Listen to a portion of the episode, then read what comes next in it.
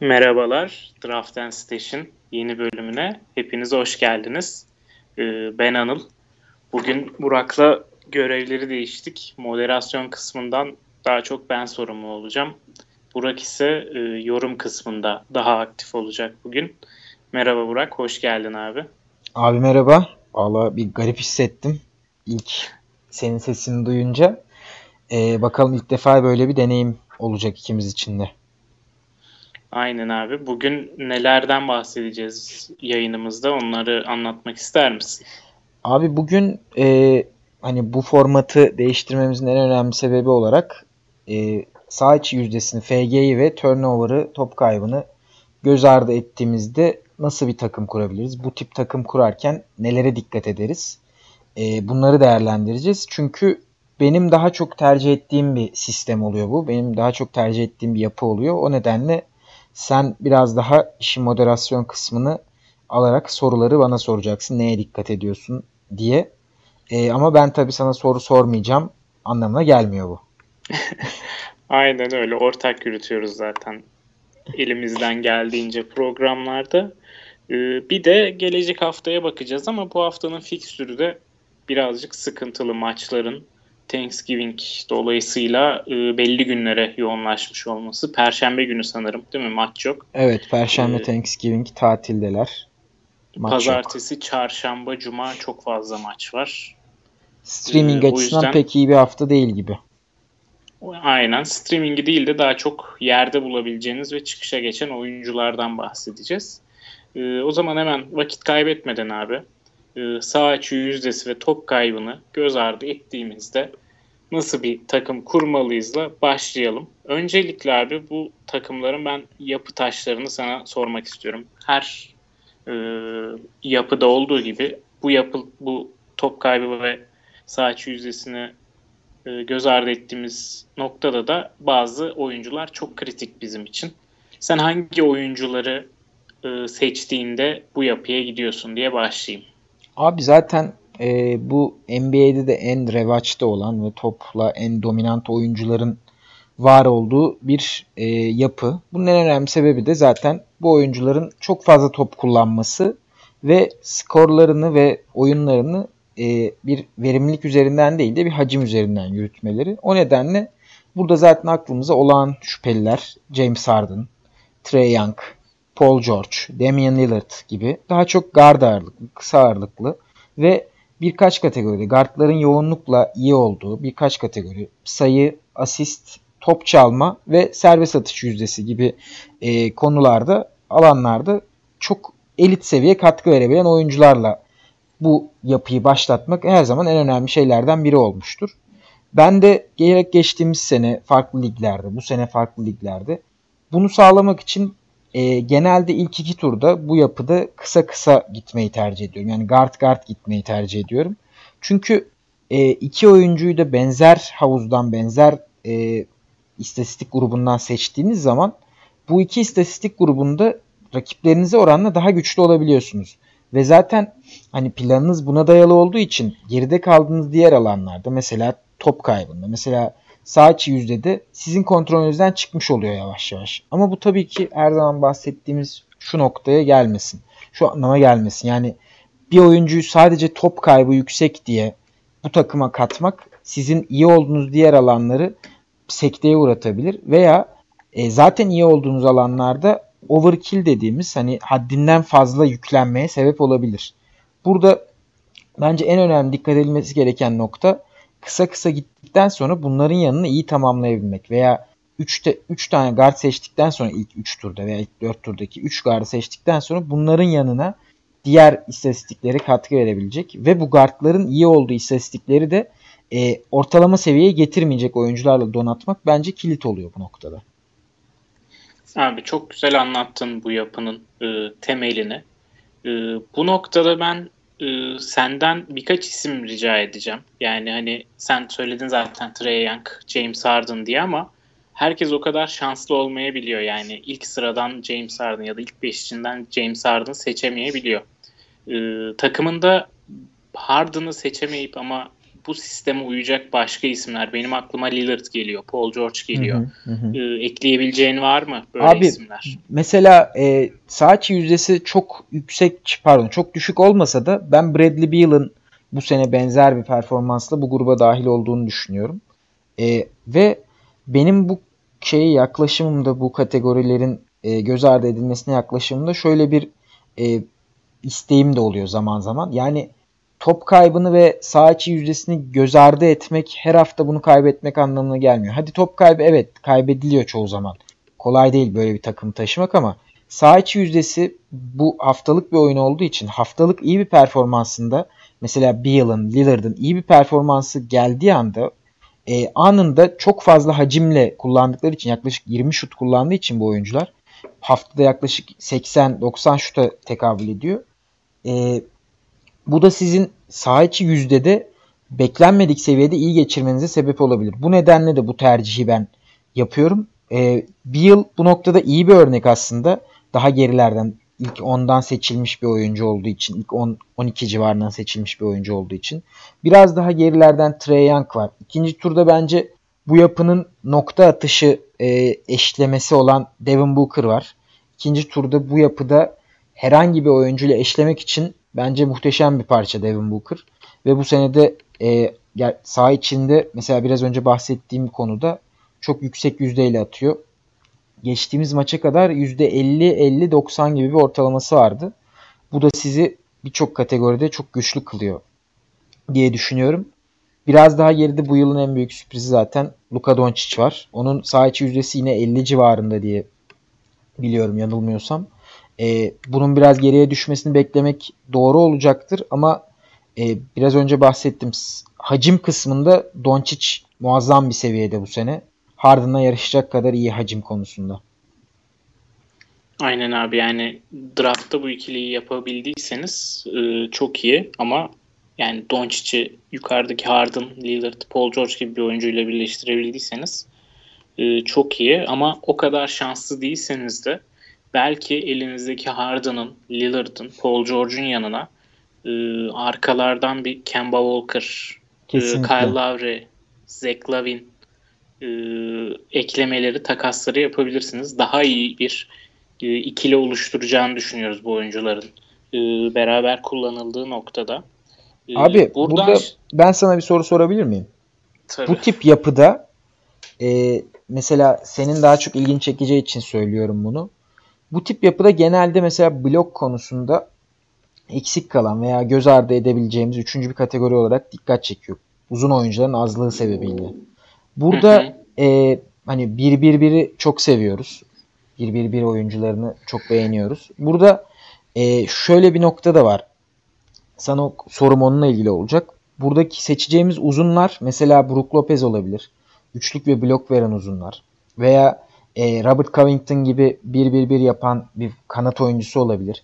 Bence bu tip oyuncular bu kısaları bu FGTO ikilisini göz ardı ettiğimiz zaman kurduğumuz takımdaki kısaları en iyi tamamlayan oyuncu tipleri. Sen hani bunlara örnek olarak, olarak ilerleyen turlardan kimi gösterebilirsin? Sana sorum olacak. Çünkü sen bu tip oyuncuları benden daha çok değer veriyorsun ve benden daha çok seviyorsun. Abi bu noktada biraz da bu yapıyor özel olarak ben benim ilgimi en çok Jaren Jackson Jr. çekiyor. Hem e, potansiyelini seviyorum blok noktasında hem de bu yıl daha o potansiyeline erişemediğini e, düşünüyorum. E, çünkü çok yukarılardan seçildi draftlarda. 40 civarından gitti e, benim katıldığım çoğu draftta ve birazcık da hayal kırıklığına da uğratmış olabilir onu seçenleri. Şu an bence güzel bir buy low e, noktasında e, Jaren Jackson Jr. Özellik yani bu yıl çok az yapıyor şu an. Evet e, blok noktasında geride kaldı ama potansiyelin her zaman olduğunu biliyoruz. E, bir buçuk iki civarına çekebilir sezonun geri kalanında blok ortalamasını ve iyi bir ekleme olabilir diye düşünüyorum. Senin söylediğin gibi Brook Lopez ve Covington her ne kadar Brook Lopez o 1-1-1'e çok uymasa da e, blok ve üçlük noktasında İkisini bu takımı, bu yapıyı yapan tek oyuncu olabilir yanılmıyorsam. Porzingis de yapıyor ha, sanırım evet, yıl işte. Var. Unuttuk tabii. Aynen. Bu yıl Porzingis eklendi oraya. Bu iki oyuncu Porzingis ve Brook Lopez de e, bu noktada benim bu yapılarda değerlendirmeyi çok isteyeceğim oyunculardan iki tanesi. Ee, dediğimiz gibi yani bu noktada blok sizin e, ilk iki turdan se- kısa seçtiğiniz zaman geride kalacağınız kategori ve e, bu bloğa yoğunlaşmanız üçlü bir e, panta dönmemesi açısından ya- yapınızın çok önemli. E, o noktada başka benim aklıma gelen de blok noktasında ama Miles Turner var. O da E, iki, iki yapıyor galiba. Aynen o da ikinin üzerinde yapıyor bloğu. E, Miles Turner ve yani şu an almanız artık pek mümkün olmayacak bir noktada olsa da Jonathan Isaac de e, bu noktada çok önemli katkı veriyor şu an blokta. Eğer hani elinizde atıyorum bir Lillard varken e, arka turlardan da Jonathan Isaac seçtiyseniz e, bahsettiğimiz gibi güzel bir noktaya getirebilirsiniz takımınızı takaslarla. E, Lillard'ın yanına bir Beal, bir Kyle Lowry ekleyerek, bir D'Angelo Russell ekleyerek. Valla iyi dedin abi yani ben Isaac'i hani bekliyorduk bir şeyler ama bu seviyesi inanılmaz bir seviye Isaac'in şu an geldiği. Bakalım. Ben bu yıl beklemiyordum ya. Yani böyle bir noktaya fantezi Ya bu kadar beklemiyordum. gelmesi her zaman mümkündü. O bizim çok sevdiğimiz bir bir birin en bayrak taşıyan temsilcilerinden olduğu için. Ama bu yıl beklemiyordum. Üçüncü yılı çok erken oldu gerçekten. Yani çok ilginç bir şey dikkatimi çekti şu an. Bu sene e, blok sayısı 36, üçlük ve top çalma sayısının toplamı 37. Yani İnanılmaz Çok garip bir- yapıyor. şey seviye, garip bir hele bu Vucevic ve Gordon sakatlığı da hani ona bayağı yaradı bu noktada. Aynen. Aynen. Ee, buradan abi istersen e, bu yapının specialisti diyebileceğimiz oyunlar, oyunculara geçelim. Ee, bu yapının eksik kalan noktalarından bahsettik. Bunun da çok önemli bir ölçüde blok olduğundan bahsettik. Ee, ama e, rebound ve top çalma gibi de eksiklikleri var bu yapının. Ee, serbest atış yüzdesinden taviz vermeden e, top çalma ve rebound işini çözebilecek oyuncular geliyor mu aklına? Abi bu noktada ben geçen sene de çok iyi oynayan bir oyuncu. Tobay serisi çok beğeniyorum. Çok uygun olduğunu düşünüyorum bu yapıya. Biraz üçlükleri azaldı. Bunun ama sezon içerisinde ileri, ileriye gitmesini bekliyorum. Bu sebeple birazcık e, bence buy low durumu olabilir. Hani ucuza kapatma şansı olabilir bazı e, ta- oyuncular, e, bazı takım sahipleri için. O nedenle Tobay serisi düşünüyorum. Benim dikkatimi bir de bu yapıda bence şu an e, birazcık sabır gerektiren bir oyuncu olsa da Lauri Markkanen çekiyor abi. E, Markkanen dediğin specialist tanımına bence çok iyi uyuyor.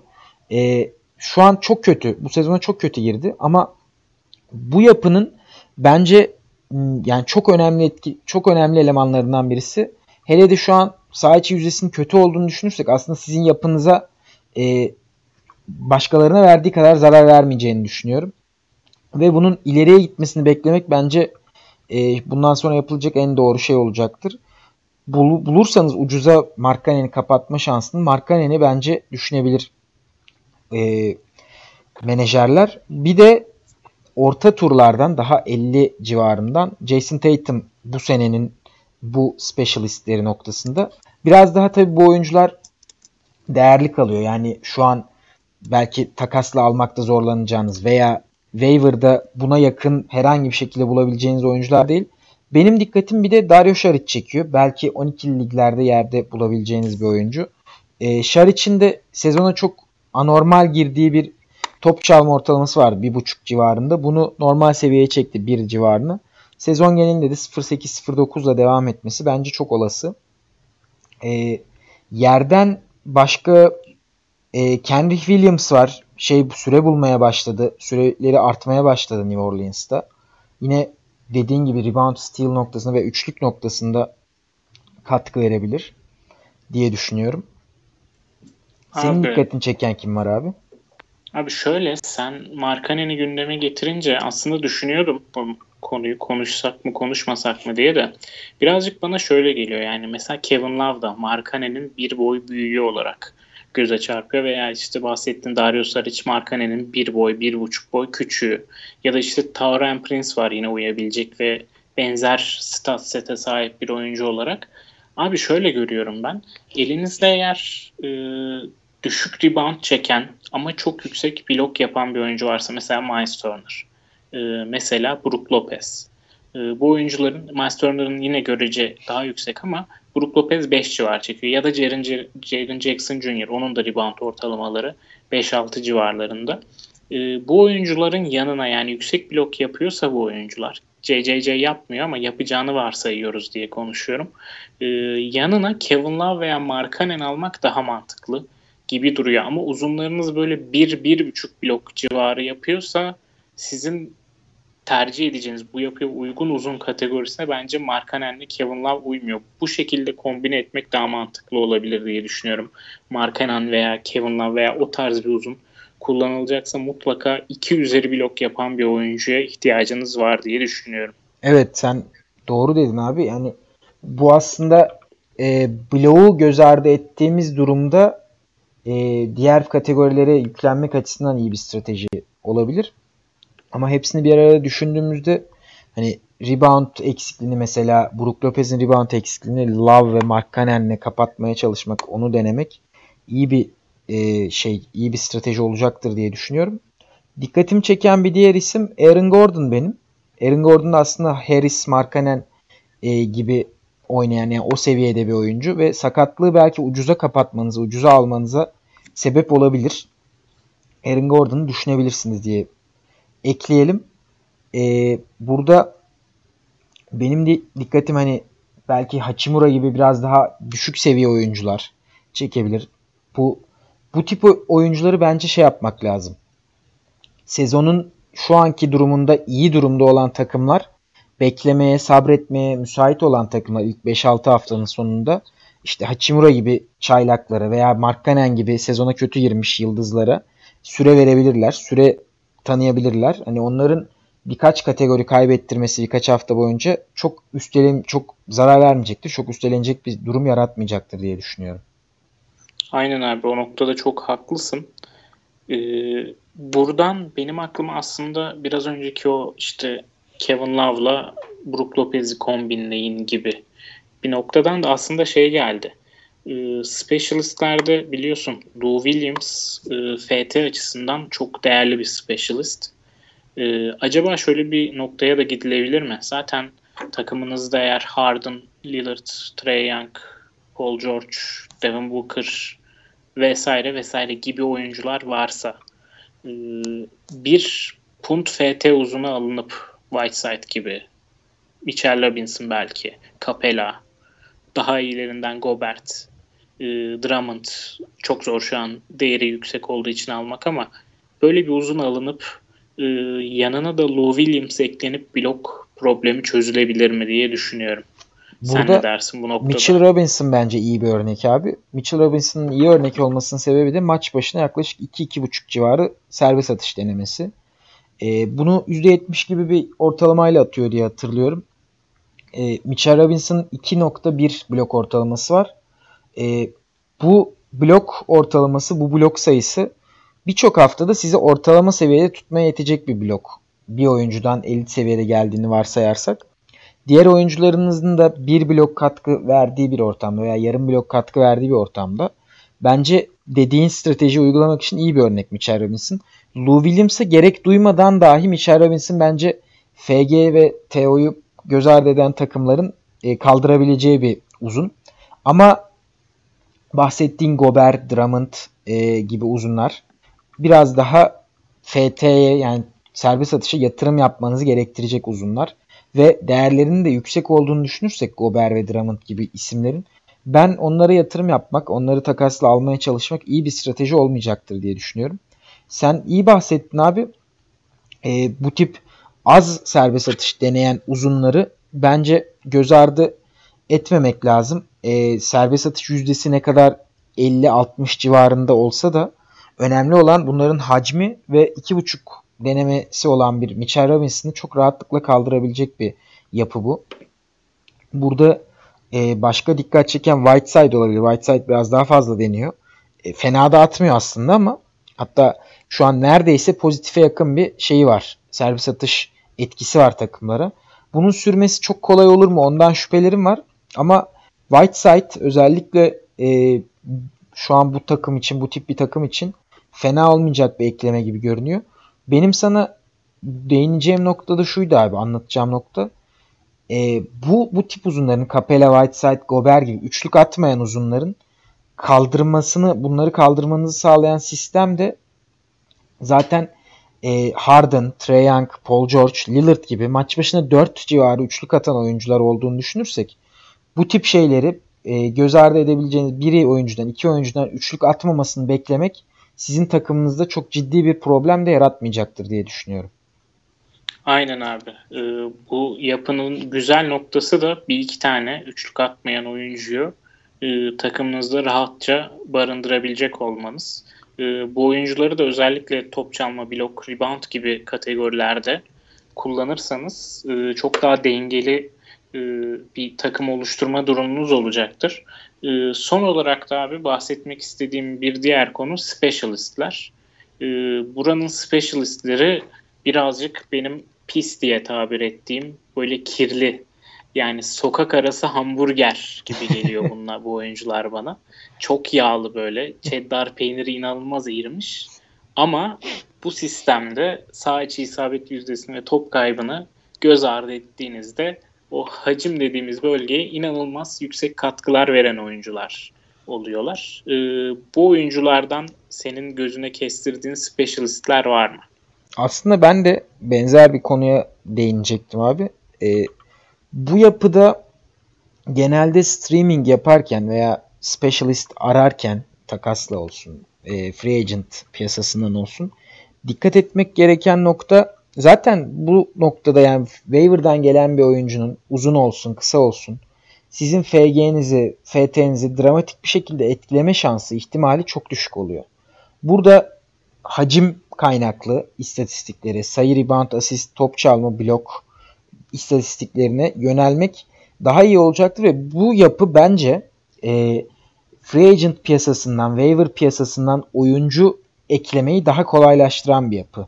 Çünkü hacimi gözetiyorsunuz çoğunlukla ve zaten sizin servis atış taşıyıcılarınızı etkileyecek şekilde kötü servis atış atan bir oyuncuyu waiver'dan bulamıyorsunuz, bulmuyorsunuz. Çünkü öyle oyuncular çoktan işte FT'sini göz ardı eden takımların kadrolarında yer alıyor.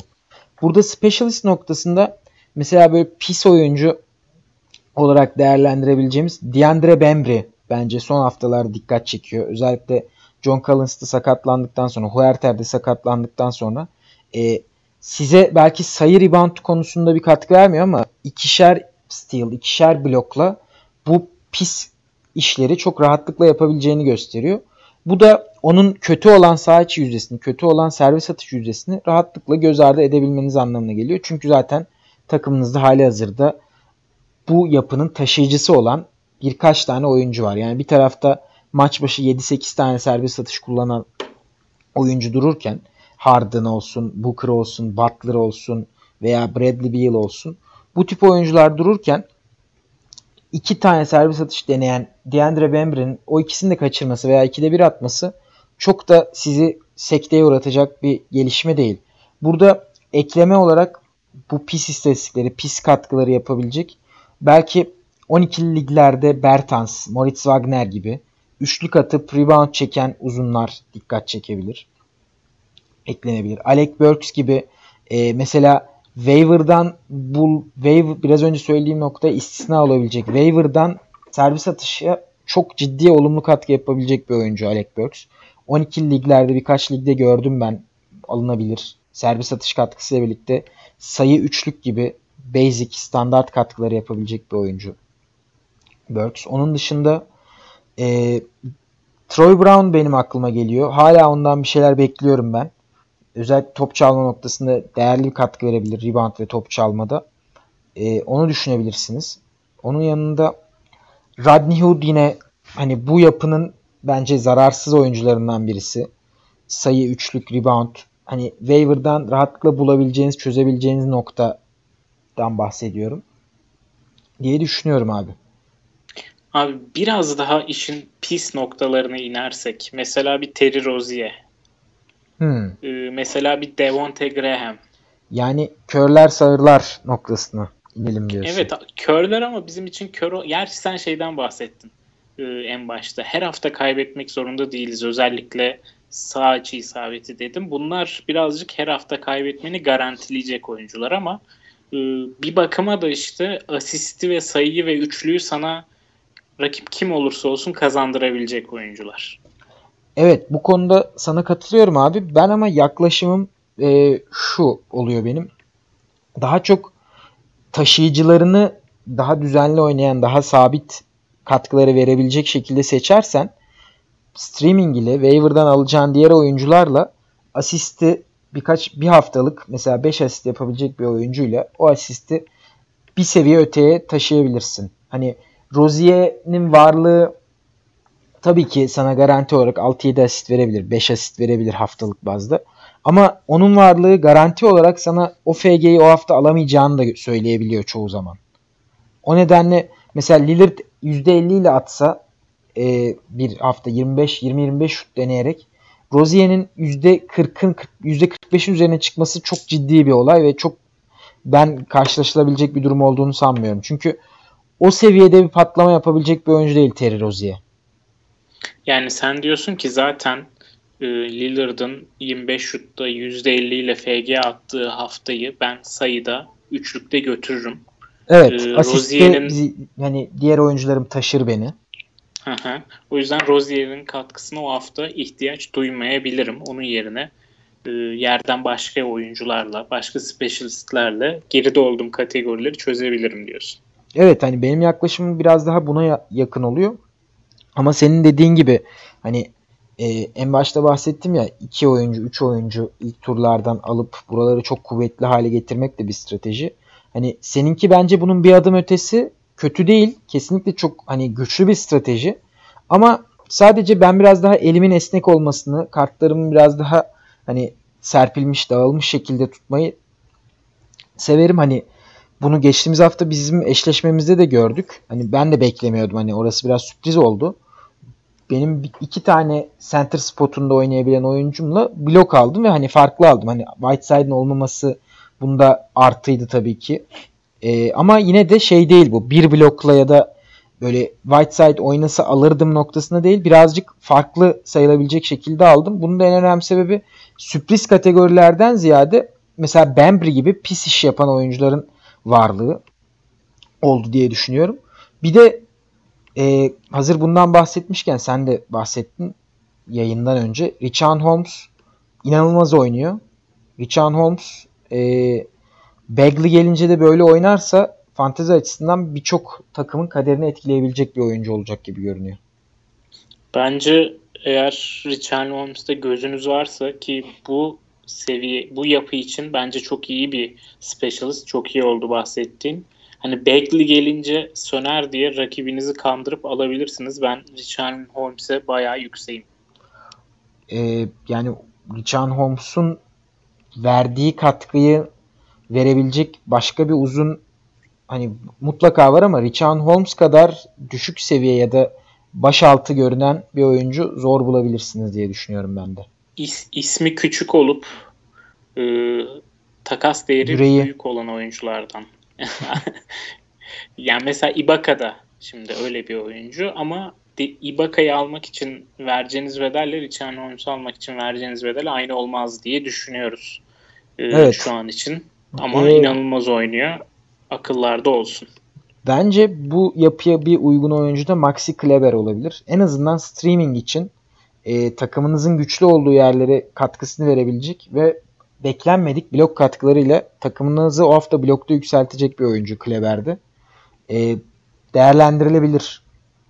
Hani bahsetmek gerekirse biraz daha böyle specialist, pis iş yapan oyuncu noktasında. Hani böyle senin bahsettiğin pis iş değil ama ben hani pis işten biraz daha savunma istatistiği olarak görüyorum. Beklenmedik savunma istatistiği olarak görüyorum pis işi. Ee, senin saydığın seviyede değil abi Rozier'in özellikle. Hani o biraz daha körlük oluyor bence. ee, onlara dikkat edilebilir diye düşünüyorum. Başka? Ee, senin söylediğin anlamda Pisic için de bu olayın A babası olan Nerlens Noel'i ekleyelim abi. Evet abi kesinlikle. Yani 15 dakikada oynasa bir steal bir blok orada bekliyor sizi. Hı hı. Bu yani bu yapı için özellikle blok specialistleri çok önemli. Çünkü sayıyı zaten attığınız için, üçlü attığınız için e, bu specialistler önemli. E, benim aklıma Thais da geliyor ilk 5 çıktığı için özellikle blok specialist olarak ama ya bunları saymaya artık gerek yok bir noktadan sonra. Zaten hani e, herkes bir noktada bu oyuncuların e, farkında. Bu yapı için daha da önemliler deyip e, istersen Abi bu... ben şunu e, eklemek istiyorum. Hani bizim bu steel blok noktasında takıntılı olmamızın en önemli sebebini şöyle açıklasam daha iyi olacak. E, yaklaşık NBA'de ortalama bir oyuncu yaklaşık 15 sayı bir steal 0.65 blok şeklinde bir ortalamaya sahip oluyor. Yani bu şu demek oluyor. Siz bir steal bulduğunuz zaman bu yaklaşık olarak 15 sayı ile eşdeğer bir değer katıyor sizin takımınıza. Yani 15 sayı atan bir oyuncu bulam bulmadığınızı varsayarsak bir haftada onun yerine bir steal yapan bir oyuncu eklemek sonuçta her kategori bir değere sahip olduğu için 9 kategorilik bir oyunda bir steal yaklaşık 15 sayıya 0.65 blok 0.6 blokta yaklaşık yine 15 sayıya denk oluyor. Yani sayıda geride olan, sayıda kötü olan bir takımı bir steal fazla yaparak hani diğer kategorisini güçlendirerek e, aradaki farkı böyle tolere edebilirsiniz diye düşünüyorum. Bu da mesela bence ilerleyen bölümde konuşabiliriz. Sayı punt kadrolarının, sayıyı göz ardı eden kadroların e, düşünmesi gereken şeyler oluyor. Bunu neden anlattım? Çünkü bu FG ve TO'yu göz ardı ettiğimiz yapıda zaten sayı çok güçlü bir seviyede oluyor çoğu zaman. Hani burada bir steal, bir bloğun önemi daha fazla oluyor. Çünkü e, yüzdeleri, saha içi yüzdesini ve turnover'ı göz ardı edin, edince en başta bahsettik bloğu da kaybetmiş olabiliyorsunuz çoğu zaman. Bloğu geri getirmek için ortalama bir oyuncu 0.65 blok yapıyor. Yani siz o hafta toplamda 4 blok yapmış bir oyuncuyu eklerseniz buraya aslında 6 tane ortalama blok yapan bir oyuncuya sahip olmuş oluyorsunuz. Veya ama ve, yani sayıda zaten üstün olduğunuz için evet, sayıyı kaybetmiyorsunuz. Onun sayı problemini şey yapmıyorsunuz. Dert etmiyorsunuz. Hani bu noktada da değerlendirmek lazım diye düşünüyorum. Yaklaşık bir steal yapan bir oyuncu 15 sayıya denk. Hani bu hesaplamalarınızda, projectionlarınızda e, belki fikir vermesi açısından söylemek istedim bunu. Aynı zamanda bir sayı yak, e, bir sayı diyorum 15 sayı yaklaşık olarak e, 5.5 5.8 civarında da rebound'a denk geliyor. 5.8 5.9 civarında bir rebound'a denk geliyor. Hani buna göre kıyaslamalarınızı ve e, değer biçmelerinizi yaparsanız aslında bence uzun vadede daha değerli olacaktır. Abi kesinlikle katılıyorum. Tabii ki komple sayıyı gözden çıkarmıyoruz. Tabii Ama... hele bu yapıda kesinlikle. Bu yapıda zaten isteseniz de istemeseniz de o sayı orada olacak. Yani e, son 3-4 adamı böyle oyunculardan kurur, kurarsak belki sayıda sıkıntı yaşayabiliriz ama son bir iki adamda bu specialistleri kullanmanın önemi özellikle e, bu yapıda çok büyük deyip buraya ekleyeceğin eğer başka bir nokta yoksa abi e, punt abi, FG, punt turnover noktasını kapatalım. Şunu ekleyeyim abi son olarak hani bir referans olması açısından e, eşitliği şöyle kurabiliriz. E, 15 sayı 1.5 üçlük e, 5.8 rebound 3.2 asist 1 steal 0.6 blok. Bu hani e, ground level dediğimiz nokta bu. Hani bunun üzeri ve aşağısı şeklinde değerlendirebilirsiniz oyuncuları. Ortalama bir oyuncunun verdiği istatistik bu. 15 sayı, 1.5 üçlük, 5.8 rebound, 3 asist, 1 steal ve 0.6 blok. Bunun ötesinde ne kadar iyiyseniz takımınızda o kadar iyi olacaktır. Aynen öyle. Ee, o zaman bu haftaki streaming noktasında biraz zayıf dedik. Ee, bahsettik yayının başında. Ee, ben şeyden başlayalım istiyorum bu hafta. Gözüne çarpan oyuncular ya da bu hafta sakatlık dolayısıyla e, fazla süre bulup o haftayı eşleşmeyi döndürebilecek nitelikteki oyuncular var mı böyle bir oyuncu gözüne çarpan? Abi son zamanlarda biraz önce bahsettik. Huerter'in sakatlığı, John Collins'ın cezası sebebiyle rotasyona rahatlıkla giren bir DeAndre Hunter var ve iyi de oynayan bir DeAndre Hunter var. E, bu hafta yine iyi bir hafta geçirmesini bekliyorum ben Hunter'dan. Atlanta'nın da 4 maçı var. 4 maçı olduğunu düşünürsek ve e, bu 4 maçında Atlanta için bence e, şey açısından fantezi açısından da iyi rakiplerle oynayacağını görebiliriz. Özellikle Hunter'ın süreye ihtiyacı olan süre art buldukça daha iyi performans ortaya koyacağını düşünürsek Minnesota, Milwaukee, Indiana, Houston gibi aslında sürelerinin blowout olsa da olmasa da fazla olacağı eşleşmeler bence Hunter'ı değerli kılıyor Atlanta'da. Sence yani kim olabilir? Ben bunun yanında belki dünden sonra Tim Hardaway Jr.'ı düşünebiliriz diye e, ekleyebilirim. Abi Tim Hardaway Jr. son 3 maçı inanılmaz iyi oynadı ki dün çok çok iyiydi. Ee, eli şu an sıcak durduğu için ben hani üçlük ve sayı noktasında eklenebileceğini düşünüyorum ama sürdürülebilir olmadığını düşündüğümü belirteyim. Ama eli sıcak oyuncuyu her zaman eklemekte yarar var diye düşünüyorum. Ee, o noktadayım ben. Ee, Tim Hardaway Jr.'da. Şey noktasında Derek Favors'ın sakatlığı noktasında Jackson Hayes ve e, Jalil Okafor düşünülebilir mi bu hafta? Abi ben e, Jackson Hayes'e yüksektim. Jackson Hayes fena da oynamadı. Ama Okafor geldikten sonra orada dakikalar biraz daha bölünecek gibi görünüyor. Ve e, zaman zaman kısa beşte kullandığını düşünürsek New Orleans'ın kadro çok geniş, rotasyon çok geniş. Ben iki oyuncunun da 12'li liglerdense 16'lı veya 14'lü liglerde değerlendirilmesini tercih ederim. E, o nedenle hani Hayes ve Okafor'dan ben uzak durmayı tercih ederim 12'li ligler için. 16'lı liglerde de daha iyi opsiyonlar olabilir mi diye düşünüyorum. Acaba e, hani bu Spurs'te onu sana soracaktım aslında ama rotasyon değişikliğinden sonra Jakob Poeltl biraz daha fazla süre bulabilir mi? Ne düşünüyorsun hani blok açısından özellikle Poeltl düşünmek daha mı iyi olur? Poeltl'ın ilk 5'e geçmesi şu an e, sürecek gibi duruyor. Yani bu olay e, bu şekilde devam edecek. Başka bir ilk 5'te değişiklik görmediğimiz sürece. O yüzden e, bence düşünülebilir Poeltl aynı şekilde. E, bir başka sakatlık sebebiyle e, süre bulmaya başlayan oyuncular Mo Bamba Mo ve. Cam Birch. Evet ben de ondan bahsedecektim abi. Sen Bamba'dan ne bekliyorsun? Yani Bamba geçtiğim sene ayağını kırmıştı değil mi?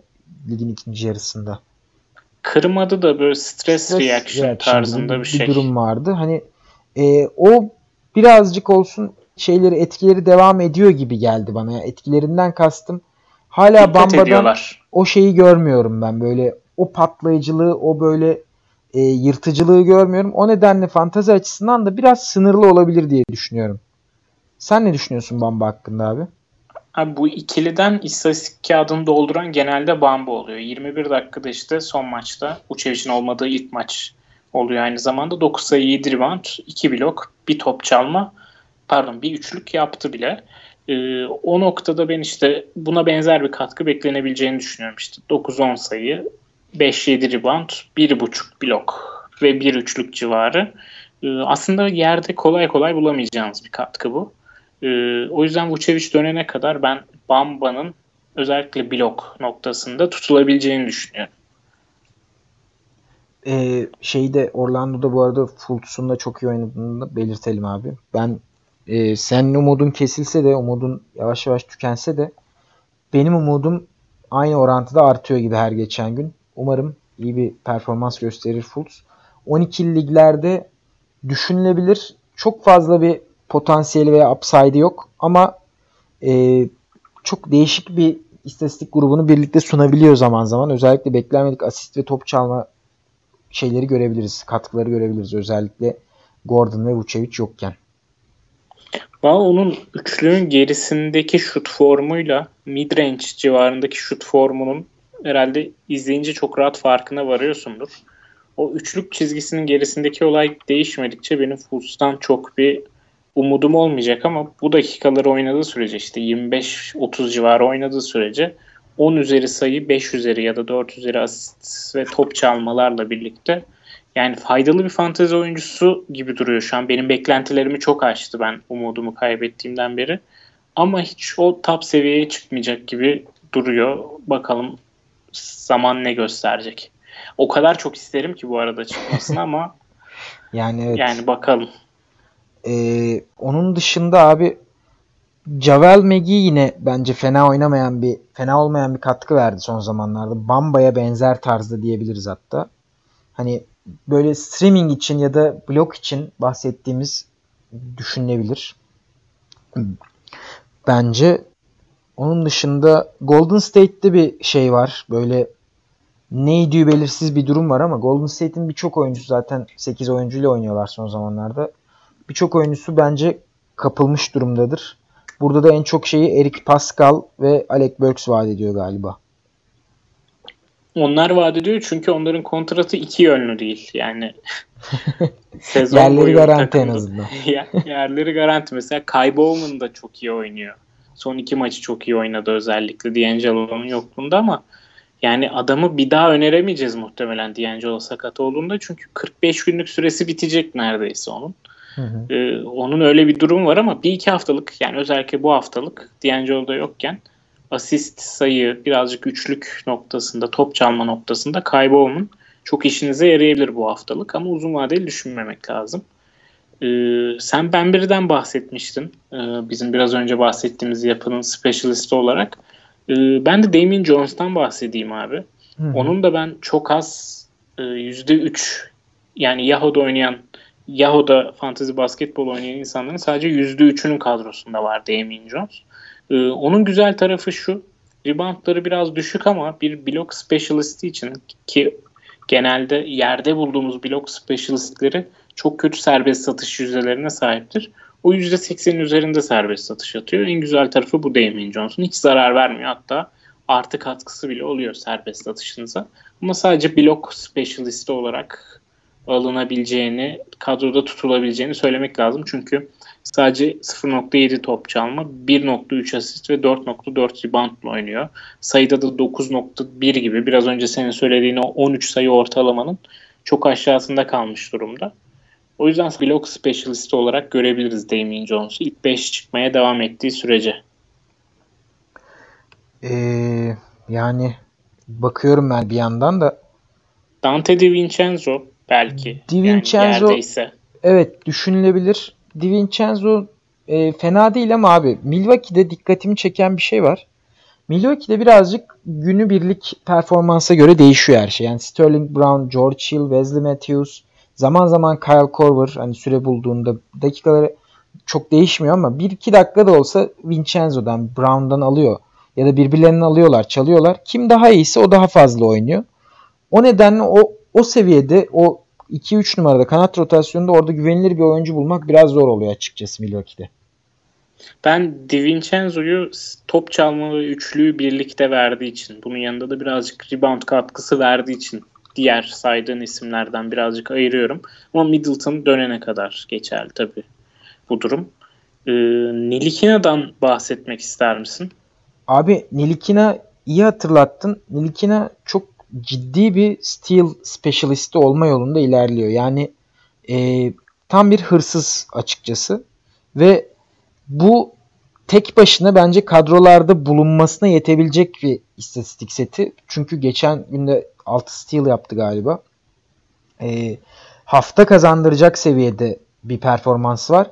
Ama şunu hiçbir zaman unutmamak gerekiyor bence. E, Nilikina için de geçerli bu. E, New York'taki diğer oyuncular için de geçerli. David Fizdale'ın olduğu yerde bu bence birazcık e, beklentilerin altında kalmaya daha müsait bir oyuncular.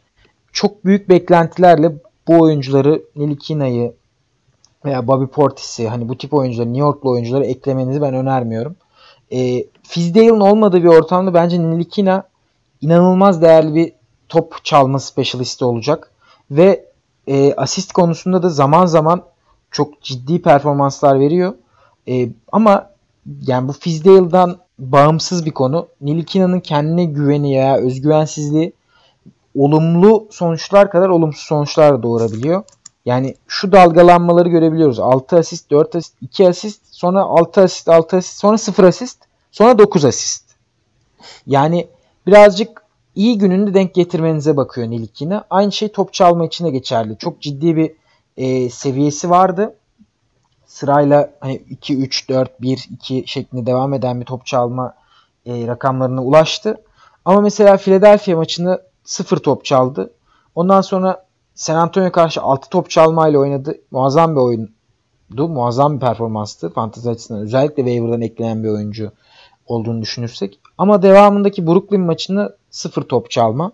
Hani burada Fizdale'dan bağımsız da zaman zaman gelgitlerde dalgalanmalar görebiliyoruz Nilikina'dan. O nedenle ben birazcık soğum.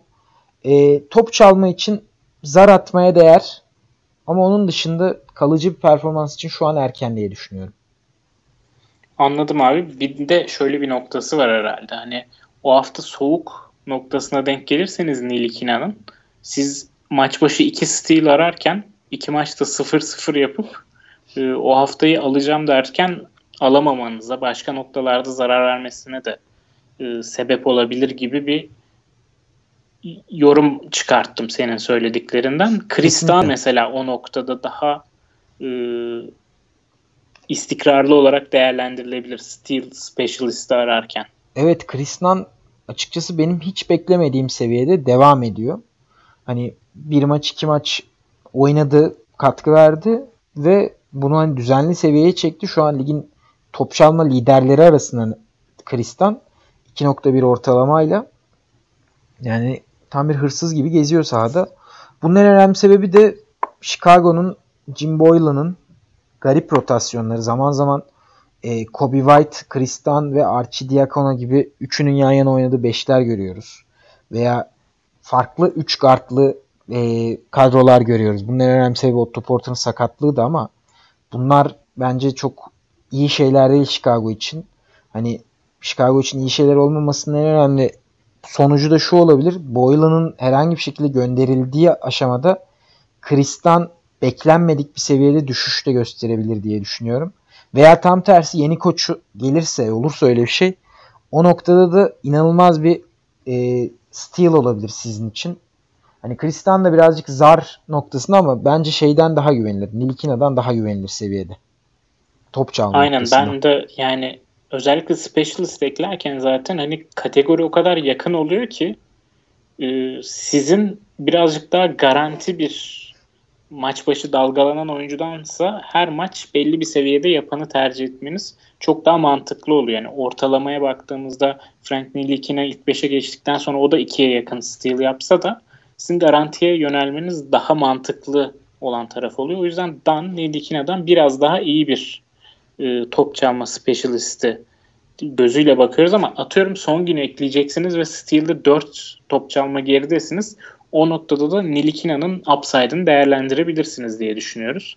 Ee, benim sormak istediğim bir iki oyuncu daha var abi. Bunlardan biri Morris Wagner.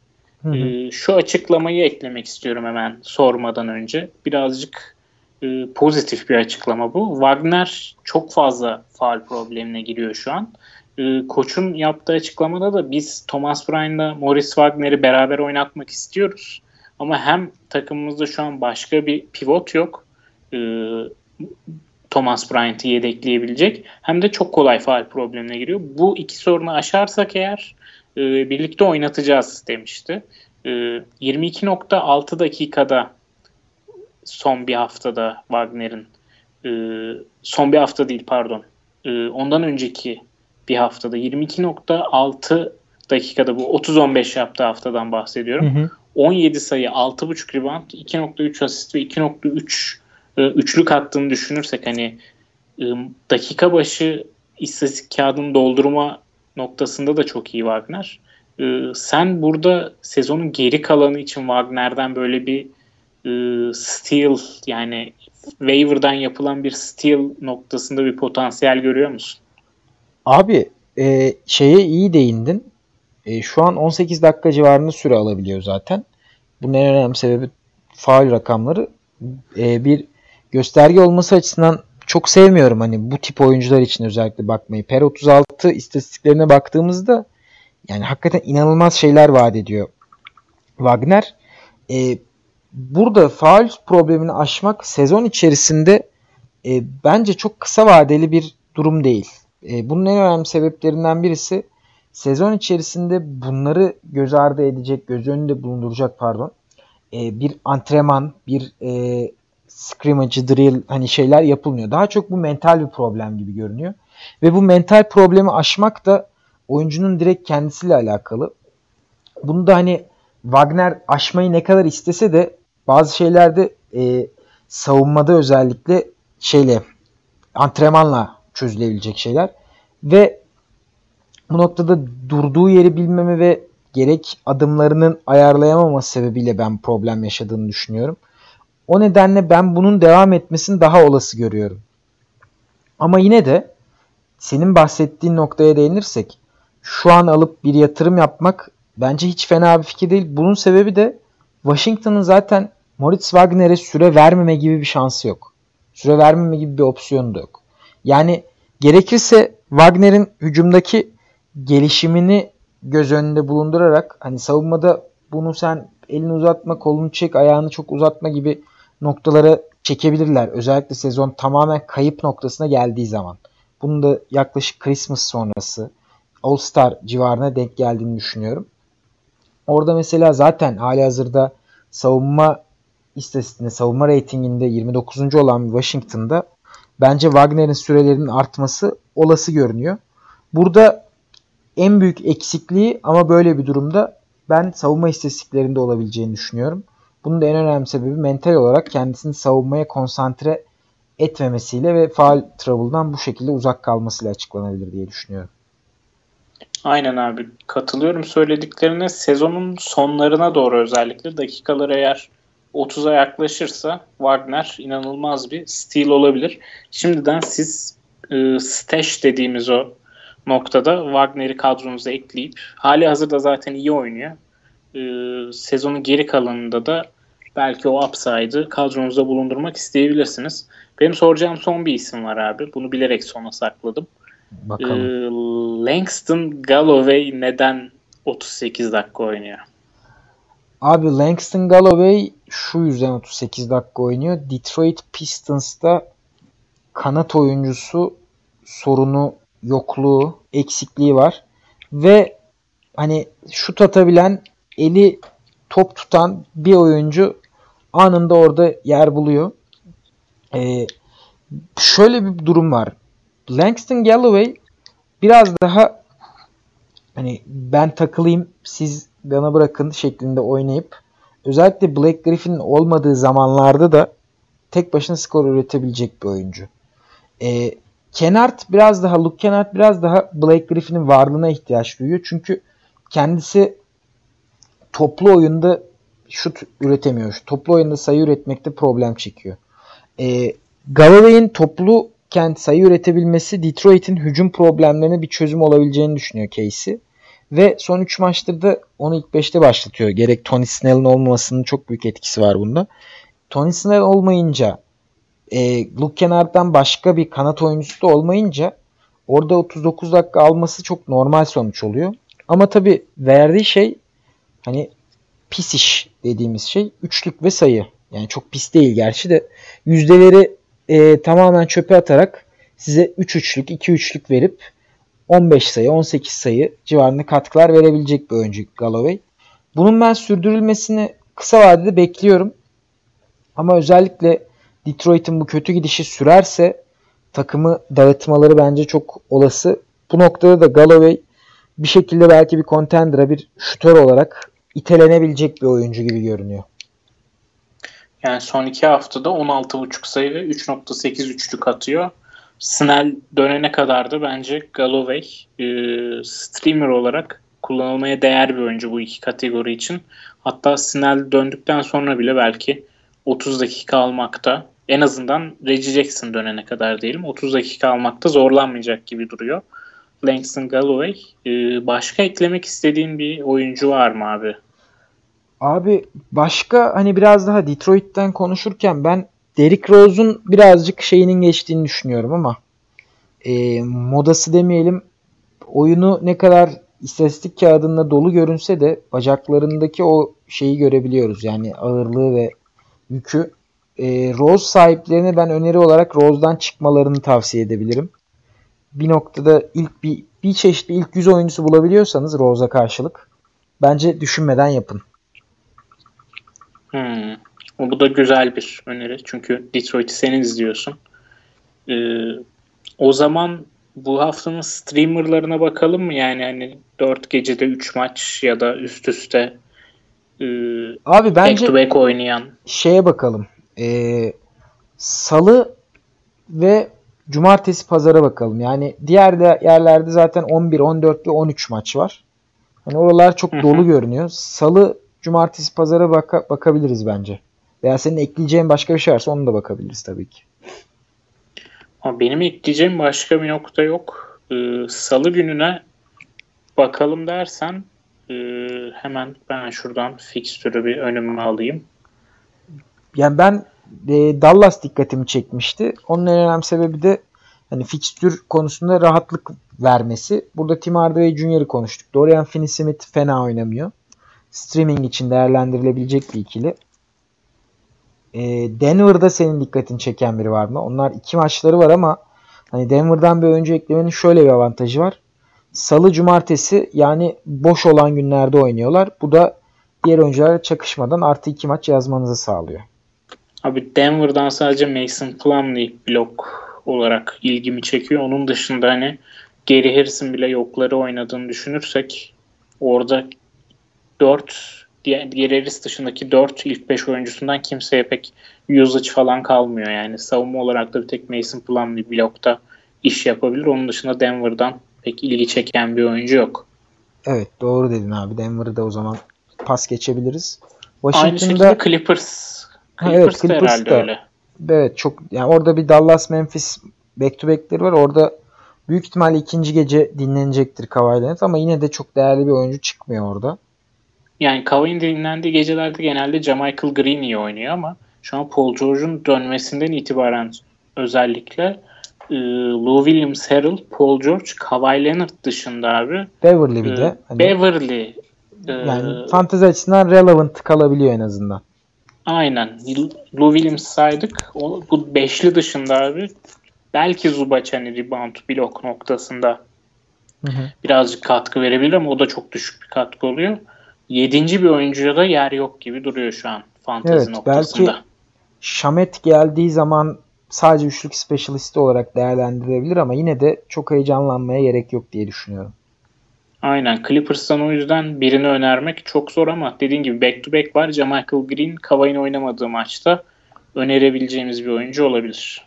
Washington'da Wagner'i konuştuk. E, Troy Brown'a ben yükseğim. Şu an çok iyi oynamıyor ama değerlendirilebilir.